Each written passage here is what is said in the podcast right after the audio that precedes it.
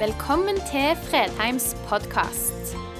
For mer informasjon og ressurser, besøk oss på fredheimarena.no, eller finn oss på Facebook.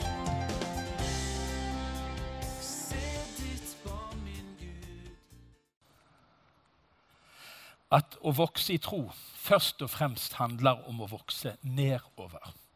Vokse i dybde, vokse i erkjennelse, vokse i kjennskap.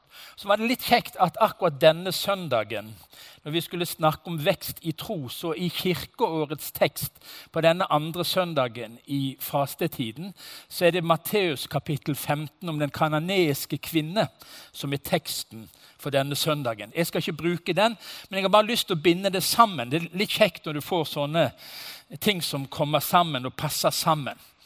Eh, Jesus møter en kananesk kvinne. Hun ber om hans hjelp. Og så sier Jesus til henne, 'Kvinne, din tro er stor.' Kvinne, din tro er stor. Hennes pågåenhet, hennes henvendelse til Jesus, det at hun ikke ga opp, ender opp i den bekreftelsen fra Jesus' side til denne kvinnen. Kvinne, din tro er stor. Det skal bli som du vil, og datteren blir frisk fra samme stund. Vi har sagt det mange ganger på Fredheim, og dette er sant. Men det er rart med ting som er sant. Det kan sies på andre måter òg, og det òg er sant. Det handler ikke om liten eller stor tro. Det handler først og fremst om hvem vi tror på. Det er mange mennesker som lurer på er troen min stor nok. Og Da spør jeg ofte hvem tror du på. Jeg tror på Jesus. Ja, men det, det er mer enn godt nok. Du trenger ikke en stor tro på Jesus for å bli frelst. Det handler om hvem du tror på. Og så er det like sant at det er fullt mulig å ha levd lenge som en kristen uten egentlig å ha modna og vokst i tro og tillit. Og Det er det denne serien skal prøve å hjelpe oss med. At ikke vi skal stoppe opp, at det ikke stagnerer eller enda til å gå tilbake med vårt trosliv. Jeg tror mange av oss har erfart det at det var lettere å tro når vi var 18-19-20. For da hadde vi jo svaret på alle livets spørsmål. Vi var jo ganske sikre når vi skrev skolestiler på gymnaset i min ungdom. Jeg løste alle verdens problemer da jeg var 18-19 år. Jeg trodde jo på det. Og Sånn var det òg i kristenlivet. Du hadde en sånn, Troen var på en måte Det var ingen diskusjon. Og så skjer det noe i livet som gjør at vi reflekterer og tenker annerledes. Og faren er at ikke vi blir mer modne i vår tro, men at vi mister tro. At vi stagnerer i tro. At tilliten egentlig går tilbake igjen. Dette er ikke teksten for i dag, men nå er vi i innledningen. Da sa han til dem, så uforstandige dere er, og så trege til å tro. Hvem sa det? Det var Jesus sa det. Han hadde to stykker ved siden av seg som var på vei fra Jerusalem til Emmaus. Og Når Jesus kommer, så tenker vi da kommer milde Jesus, du som sagde. sant? Altså, Da legger han hendene på dem og velsigner dem. Så sa han, så treige dere er til å tro. Rene ord for pengene. Og Av og til så lurer jeg på hva han ville ha sagt til meg. Jeg vet ikke om du lurer på hva han ville ha sagt til deg. Vil han ha sagt det til deg av og til? Hvor treig du er til å tro? Han er ganske direkte. Og Mange mange tiår seinere skriver Paulus likevel, søsken, kunne jeg ikke tale, dere, tale til dere som til mennesker som har ånden. Jeg måtte tale til dere som til mennesker styrt av kjøtt og blod, som til spedbarn i Kristus. En kristen menighet som har fått to brev, som vi har i dette i boken vår blir benevna omtalt på denne måten. Melk ga jeg dere, ikke fast føde, for det tålte dere ikke. Ja, dere tåler det ennå ikke, for det er jo fremdeles kjøtt og blod som rår i dere. Når det hersker misunnelse og strid blant dere, er, det, er dere ikke da styrt av kjøttet og går fram på menneskers vis. Det har ikke vært modning. Det har ikke vært vekst. Det har ikke vært utvikling. Det er et eller annet som har skjedd i menigheten sitt liv som gjør at Paulus må spørre hvor er dere hen? Hvor er dere hen? Og så går vi til dagens tekst. Og Dere som har vært mange ganger på Fredheim, vil gjenkjenne Jeg håper jo dere gjenkjenner denne teksten, for jeg har i alle fall talt over den to ganger før. Og så sier dere at jeg kan ikke huske en ting. Men ok, nå er det en liten test. Dere slipper å rekke opp hånden. Men denne teksten har det er et eller annet med første og andre Tessalonika-brev som utfordrer meg positivt. Det er liksom drømmemenigheten for meg på mange måter. Og Dere forstår kanskje hvorfor vi skal bare lese et par vers fra første Tessalonika-brev og fra andre Tessalonika-brev. Kapittel 1 i første Tessalonika-brev. For vår Gud og Fars ansikt husker vi stadig på hvordan dere er virksomme i tro arbeider i kjærlighet og holder ut i håp til vår Herre Jesus Kristus. For en menighet! For en attest! Tenk å få det skrevet av apostelen sjøl. At det han husker på, det han vet om dem, at de er virksomme i tro. De arbeider i kjærlighet. De holder ut i håp. Fantastisk. Men det stopper ikke der. Han skriver et nytt brev til dem. Og hør hva han skriver da. Vi må alltid takke Gud for deres søsken som rett er. For troen deres vokser seg stadig rikere. Og kjærligheten dere har til hverandre, blir større hos hver og en av dere. For en utvikling! I en menighet som han skryter uhemma av, så har det skjedd en forandring imellom disse to brevene. Og hva er forandringen? Den er til det bedre. De har vokst. Troen vokser stadig. Kjærligheten vokser stadig.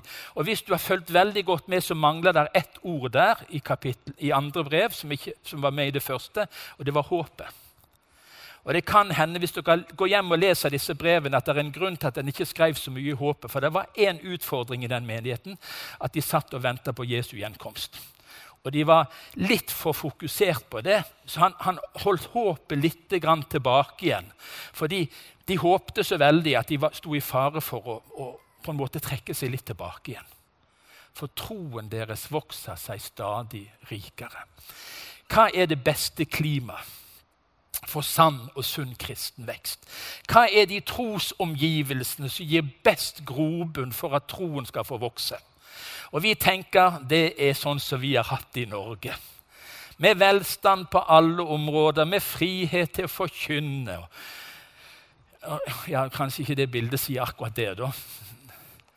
Men vi tenker liksom at det er når det er enkelt, når det er greit, når alt er flott, og liksom det bare er velsignelser rundt oss på alle måter, det er det beste klimaet for troen at den skal vokse. Men i denne teksten vi skal gå litt tilbake og se på sammenhengen, så beskrives det et helt annet klima rundt dem. Helt andre omgivelser. Helt andre forhold enn det vi er vant til i vår kultur. Og hør nå, La oss bare ta med et par veks i denne sammenhengen som vi har lest. Og dere fulgte vårt og Herrens eksempel da dere under hard motgang tok imot ordet. Hva er det beste klimaet for å ta imot Guds ord? Hva tror du er de beste omgivelsene for at troen din skal få lande og få vokse? Sannsynligvis er det ganske likt, sånn som det var i Tessaloniki. De tok imot det under hard motgang.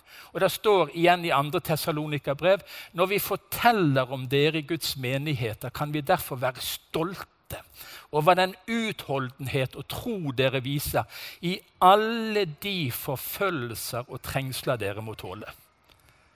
Har noen av dere blitt litt bekymra i det siste? Når til og med Aftenbladet skriver om at vi ikke må leie på Fredheim lenger. Eller Q42 i Kristiansand som blir boikotta av studentene. Eller ting som skjer på Stortinget i forhold til lover og regler. Å, det er harde tider. Noen av dere som har kjent litt på at nå går vi harde tider i møte. Og blitt litt bekymra. Hvordan skal det nå gå med troen? Halleluja, sier jeg. Nå kan det gå godt med troen. Da kan det kanskje bli normale tilstander for oss òg. Kanskje skal vi måtte få lov å stå i troen, vokse i troen i omgivelser som er annerledes enn det har vært før oss. Og kanskje har vi godt av det. Så sier du hva i alle dager er dette? Her skal ikke vi be Gud beskytte oss og velsigne oss. Jo, det skal vi. Men det normale ifølge Bibelen det er at de som tror på Jesus, skal bli forfulgt. Det er det som er det normale. Der Kirken vokser i vår tid, er det ikke under ytre velstand og velbehag. Det er under forfølgelse og trengsel. Sånn var det i Tessaloniki. Sånn var omgivelsen for denne menigheten, som får så god karakter, og som vokser i tro og som vokser i kjærlighet. Det gjorde de i alle de trengsler og forfølgelser som de måtte leve i. Er det noe du kunne tenkt deg sagt halleluja til? La oss få det. Nei, spar oss. Sant? Vi har nok utfordringer. Hva er det beste klimaet for troen? To punkt i dag. Vekst i tro på. Vi har undervist utallige ganger og kommer til å undervise igjen at troen er en gave. Troen er en gave. Det er ingen prestasjon. Troen er noe tomme hender tar imot, som strekker hendene mot Jesus. Troen er en gave. Med blikket festet på ham som er troens opphavsmann og fullender. Det begynner med Jesus, og det kommer til å slutte med Jesus. Det begynner med han, et møte med Jesus. Det begynner med å se han, bli glad i han og ta imot han. Det begynner med, og kommer til å slutte med det. Jeg har tenkt på ham som holdt ut en slik motstand fra syndere. Igjen motstand, så dere ikke blir trette og motløse. Det som gir oss tro, det er blikket på Jesus. Det som holder oss og gjør at troen vokser, det er at vi er knytta til Jesus. For vi kan så lett bli trøtte og motløse i vår trosvandring. Det handler om Jesus. Ved troen på Jesu navn. En spennende tekst. Jeg anbefaler deg å gå hjem og lese den sammenhengen i Apostels gjerninger kapittel 4. Peter og Johannes vært i tempelet. Der sitter en mann der. Eh, han har sittet der, Alle vet hva han er. Han er syk, han ber om penger, han ber om hjelp. Eh, Peter sier noen fantastiske ord. 'Sølv og gull har jeg ikke.' Hva har jeg? I Jesu Kristi navn, sier han. Tro hadde han. Han hadde tro som han hadde fått gjennom navnet Jesus. Det var noe som hadde vokst i Peter, han som bare noen uker før hadde svikta Jesus som hadde banna på at han ikke kjente han. Han hadde møtt den oppstandende. Han hadde hatt en spesiell bibeltime med vannkanten der. Peter, før mine lam. Han hadde hatt et møte med Jesus, og troen hadde vokst gjennom smerte og motgang. Og så sier han ved troen på Jesu navn har dette skjedd. Den tro vi får gjennom dette navnet, har gitt mannen full førlighet igjen, slik dere alle kan se vi er kalt til å vokse i tro på noe. Vi er kalt til å vokse i tro på Jesus. Du er kalt til å la Han få lov å få større rom i ditt liv, i din tanke, i dine erkjennelser. Sånn at troen din ikke passiviseres og går tilbake, men at troen vokser. Og det er en tro som vokser på Jesus. Det diskuteres opp og ned i mediene om skapelse. Hvordan skjedde det? Jeg er ikke så opptatt av detaljer. Men jeg er opptatt av det som står her i Hebreabrevet. I tro forstår vi at verden er skapt ved Guds ord. Og at det vi ser, har sitt opphav i det usynlige. Mitt lille vet klarer ikke få den kabalen til å gå opp i detalj hvordan det skjedde. Men ved tro så forstår jeg noe. Ved tro så kan jeg se der står en Gud bak. Ved tro så forstår jeg at dette fantastiske som jeg er en del av, faktisk skjedde ut ifra Guds ord. Og denne troen ønsker jeg skal få lov å vokse. Troen på. Troen på Jesus. Troen på Guds ord. Anne Gustavsen var inntil nylig redaktør i pinsebevegelsen sitt blad Korsets seier. Det er nå oppkjøpt av avisen Dagen, så hun er ikke redaktør lenger. Men hun tok opp noe av denne problematikken som vi lever i som kristne i vår hverdag i vår tid. Det er helt klart at vi som kristne må tilpasse vår, vårt budskap til samfunnet rundt oss. Men hvordan gjør vi det uten å endre på budskapet? For i vår kamp for å tilpasse oss de vi nå skal nå, står vi i fare for å sekularisere oss selv og vår egen tro, der vi justerer vårt budskap til å bli et tannløst livscoachingskurs med terapeutisk tips. Det er nesten så tungetallet, dette her. Og en kjærlig Gud som ikke hater synden. For det er verken sekulære medier, det 20. årets trender eller kulturelle sesonger som skal definere vår tro. Det skal vi gjøre selv, med Guds ord i vår hånd. Det er vår utfordring. Og jeg tror at alle vi som er her inne, kjenner på utfordringen for vår tid. Vi kjenner på trøkk fra omgivelsene, vi kjenner på trykket fra mediene, vi kjenner på trykket fra tanker og tankebygninger, og så blir vi passive. Og så lurer vi på skal vi bare gjemme den troen her inne som en skatt som vi holder skjult. Fordi det er så vanskelig der ute. Det er verken sekulære medier, det 20. århundrets trender eller kulturelle sesonger som skal definere vår tro. Det skal vi gjøre selv med Guds ord i vår hånd. Hvordan er det med din tro? Troen på. Troen på Jesus. Troen på Guds ord. At det holder. At det er å bygge på. At det er å stole på. Kanskje det er blitt vanskeligere, for vettet ditt har vokst så enormt. Og troen blir liksom en liten sånn parentes. Eller har troen fått vokst, som gjør at du med din tanke og din tillit tenker jeg trenger Jesus mer enn noen gang. Jeg trenger hans ord og hans budskap til meg mer enn gang. Jeg får lov å reise litt i jobben min og få lov å møte forskjellige mennesker. Det er litt ærlig av og til. Ikke, unnskyld, det er ikke fordi jeg trenger å være vekke fra dere, men dere trenger i alle fall pause fra meg av og til.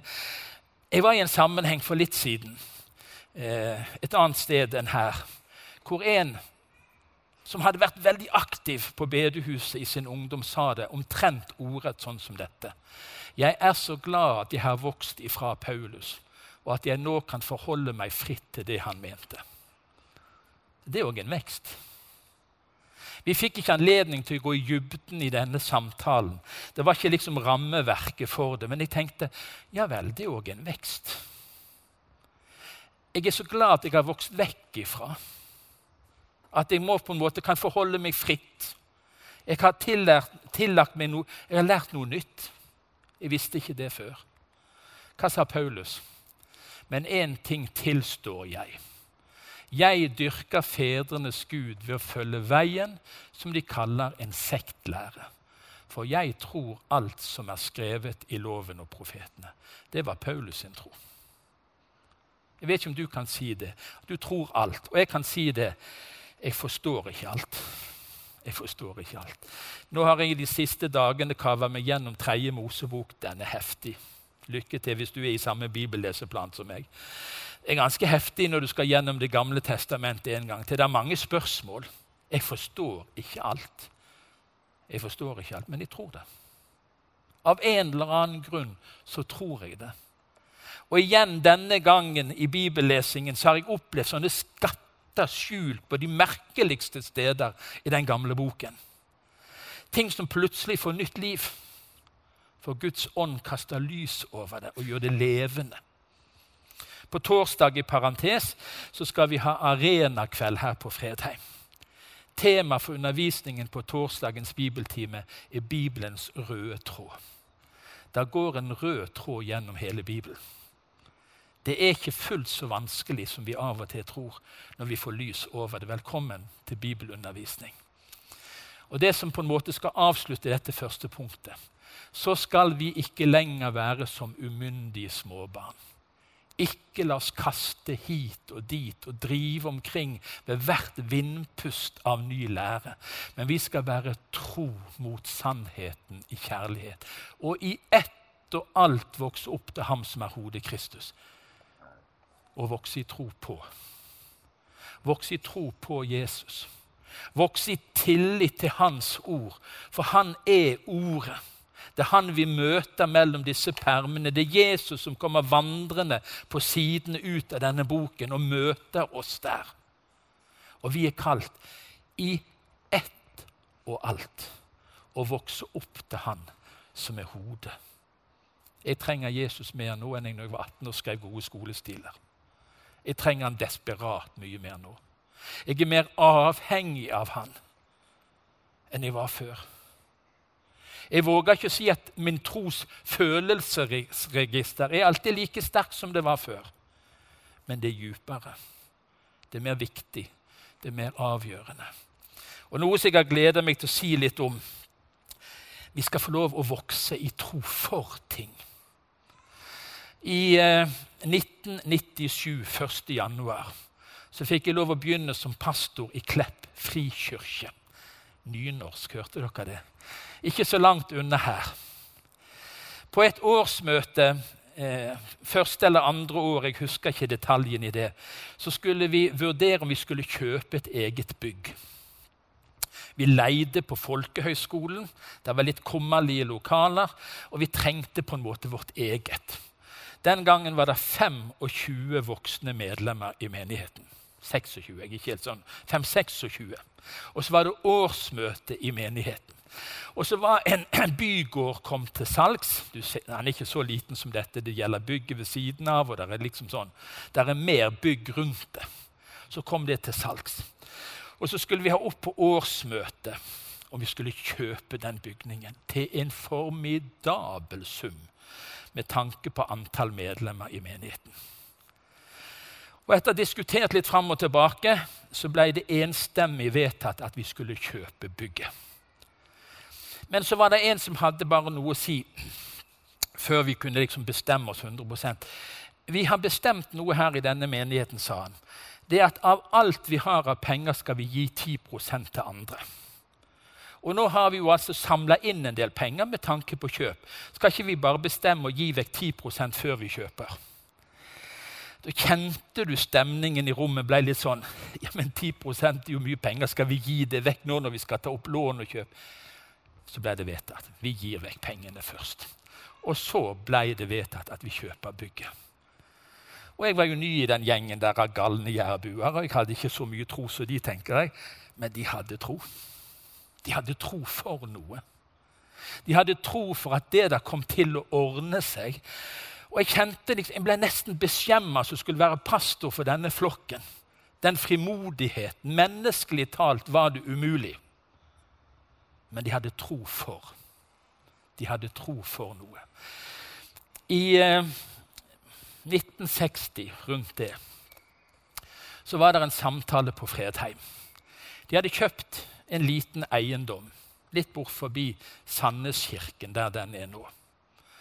Eh, så fikk de tilbud i 1962 om å kjøpe den eiendommen. Ikke det du ser i fronten, men det huset bak der. En gammel legebolig med 1,6 mål tomt.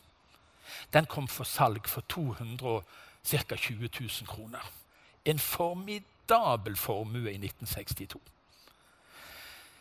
I løpet av den samtalen som var da, opplevde Fredheim sin største konflikt i sin historie. Fordi det var ulike tanker.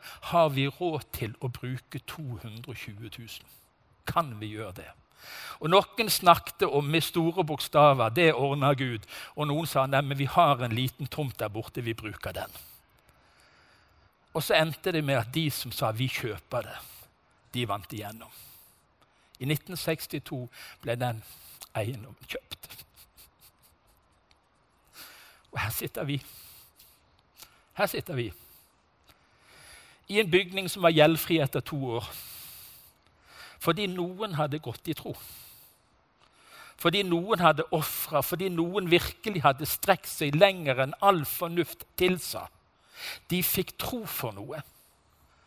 Og så sitter vi her, og så sitter dere i de beste stolene et bedehus kan ha. Litt for gode, litt for lett å sove i sånn innimellom. Sant?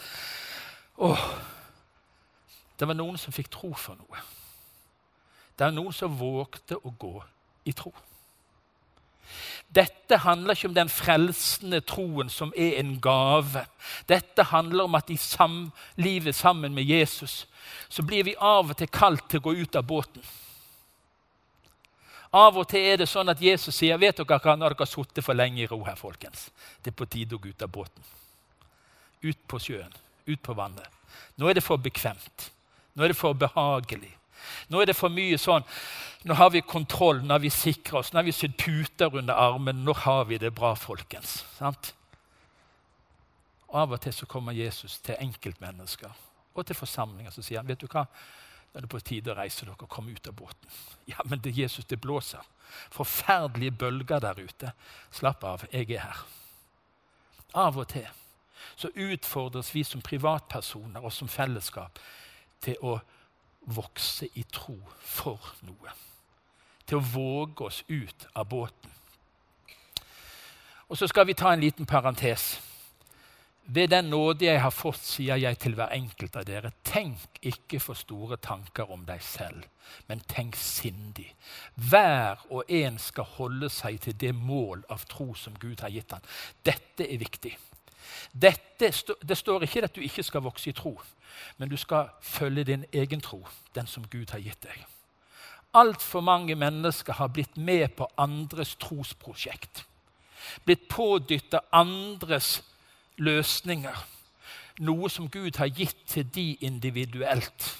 Men de snakker om det som om det gjelder for alle. Gud er en Gud som oppdrar sine barn helt suverent. Det er ikke alt som blir helt likt. Vi har ikke samme mål av tro.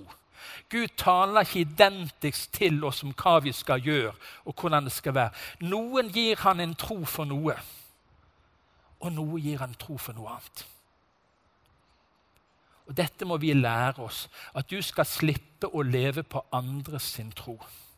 Du skal holde deg til det mål av tro som Gud har gitt deg, men Gud vil vokse det målet. Gud ønsker å utvikle din tro, så du får, får tro for større ting enn det du tror for i dag rent generelt i disse koronatider. Det er ikke et innlegg i den samtalen, men La oss ta det med som en generell måte Guds barn skal få lov å leve i denne verden på. Derfor sier jeg dere, vær ikke bekymra for livet. For hva dere skal spise, eller hva dere skal drikke, eller for kroppen, hva dere skal kle dere med. Er ikke livet mer enn maten og kroppen mer enn klærne? Skal vi ta en liten test? Nå vil jeg en håndsopprekning. Hvem har brukt mer tid i dag å lure på hva de skal gå kledd med, og hvordan de skal se ut, enn det de har brukt på å be eller Nei, jeg skal ikke spørre om sånt. Sant? Det er jo litt pinlig. Vi er så opptatt. Vi er så fokusert på noe Gud sier i sitt ord. Hør, slapp av, folkens. Livet er større.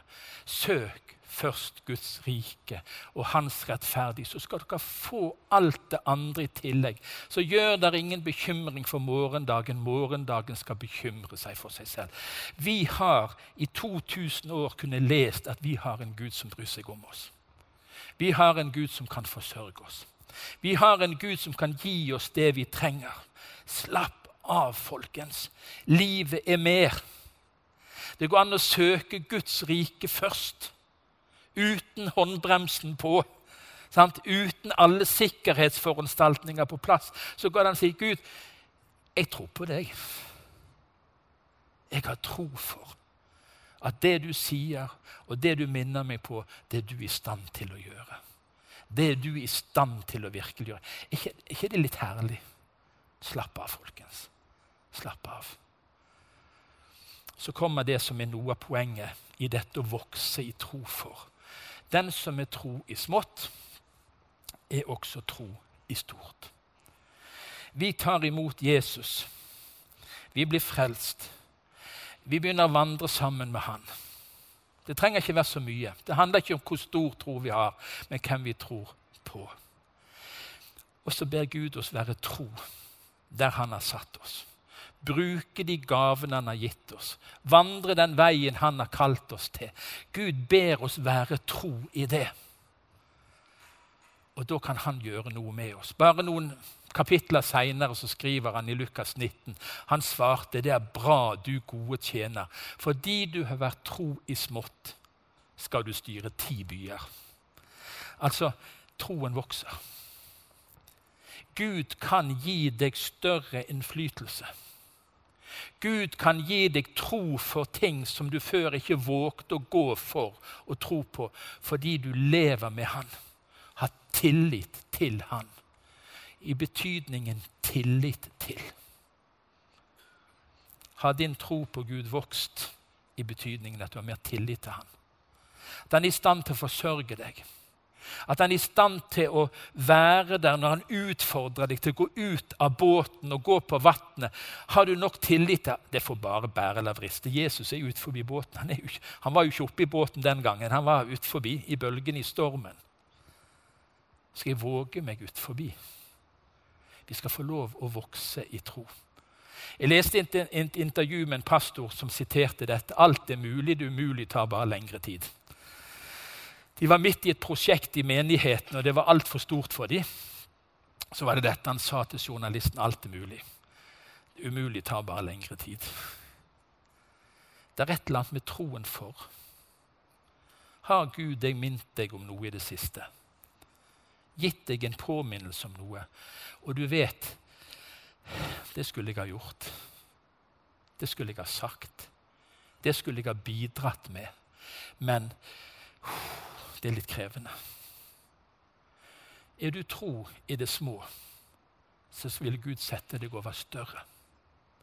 Gjennom å prøve troen på Guds ord og Guds løfter, så vokser vi i tillit. Og Det siste bibelverset du skal få denne formiddagen, knytta til preken, er dette. Og Jesus svarte dem, ha tro til Gud. Hvem er han? Himmelen og jorden skaper. Kan ikke du tro han for dine små steg? For det han utfordrer deg til. Når han ber deg gå ut av båten, tror ikke du han som skapte himmel og jord og holder alt oppe ved sitt ord og ved sin ånd, tror ikke du han er i stand til å ta vare på deg?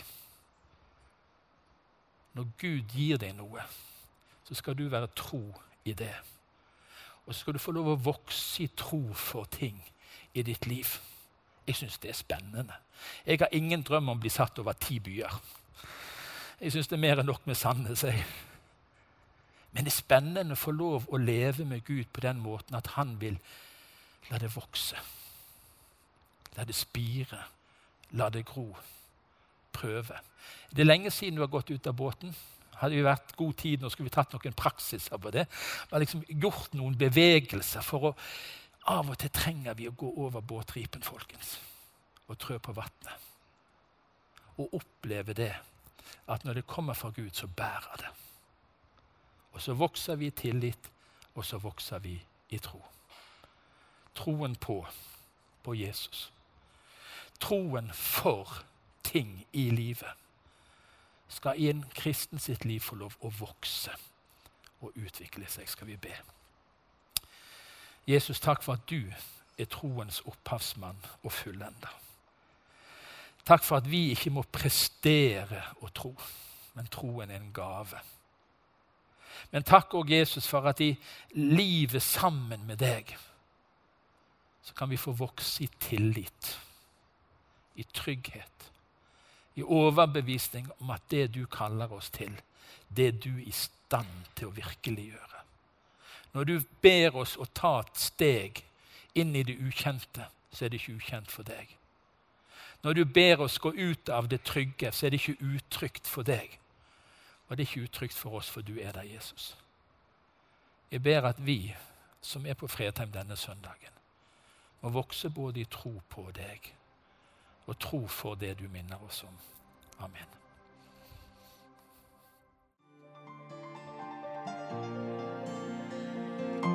Takk for at du valgte å høre på. Nye opptak legges ut hver uke. Vi har gudstjenester hver helg, og du er hjertelig velkommen.